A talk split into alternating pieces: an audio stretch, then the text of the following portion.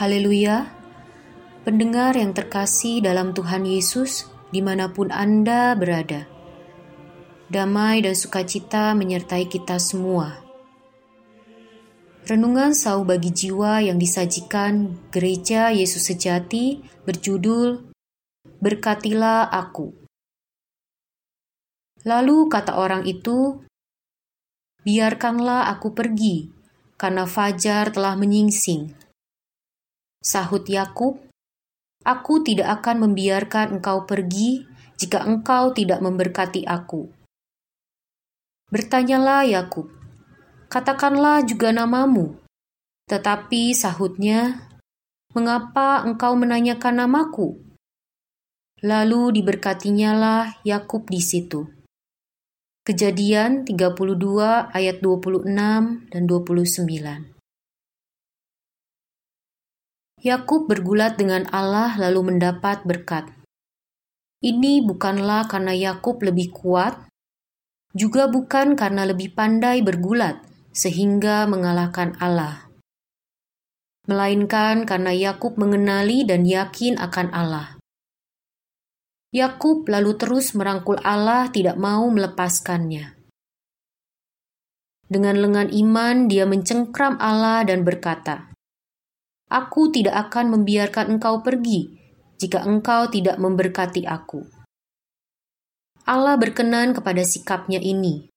Lalu Allah pura-pura kalah dan memuji, Engkau telah bergumul melawan Allah dan manusia, dan engkau menang. Setelah itu Allah memberkati Yakub.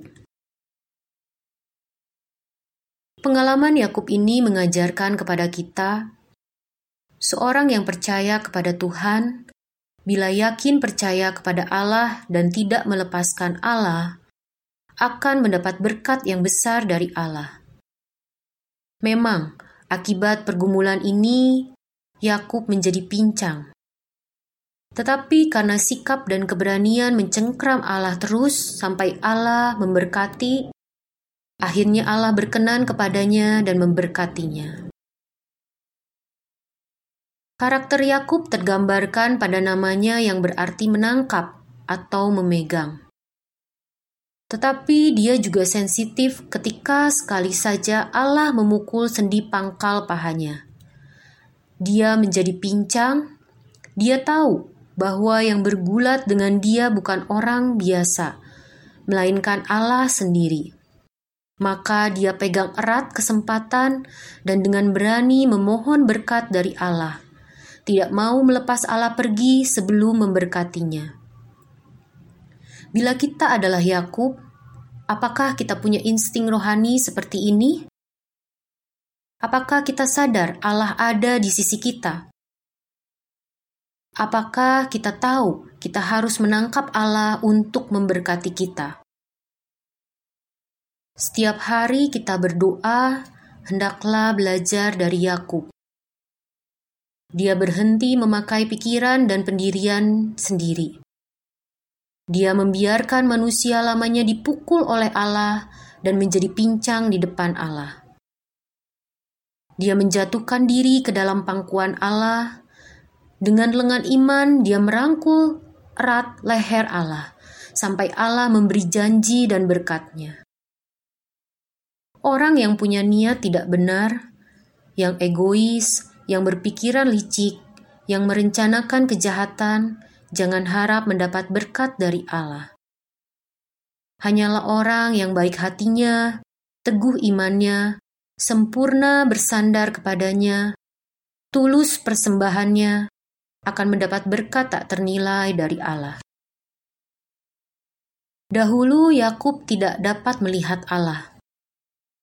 Dia memakai cara tipuan mendapatkan status dan berkat kesulungan. Tetapi di penyeberangan Sungai Yabok, dia berhadapan dengan Allah. Dia sudah mengerti perlu langsung memohon kepada Allah dan menangkap berkat Allah. Yakub bertumbuh setelah banyak menderita. Hendaklah kita juga sama seperti Yakub, bertumbuh melalui banyak penderitaan lalu langsung mencengkram Allah memohon berkatnya. Hari ini kita berada di pangkuan Allah, mendapat penuh kasih karunia. Tidak ada orang yang merasa cukup dalam hal memperoleh berkat. Bukankah semakin banyak berkat semakin baik? Apakah engkau mau mendapat lebih banyak berkat? Belajarlah pada Yakub dalam mencengkram Allah. Di gereja perlu banyak partisipasi dari jemaat untuk melakukan pekerjaan kudus. Itu adalah kesempatan untuk mencengkram Allah. Bila engkau banyak melakukan pekerjaan kudus, pastilah engkau mendapat lebih banyak berkat. Tuhan Yesus menyertai kita semua. Amin.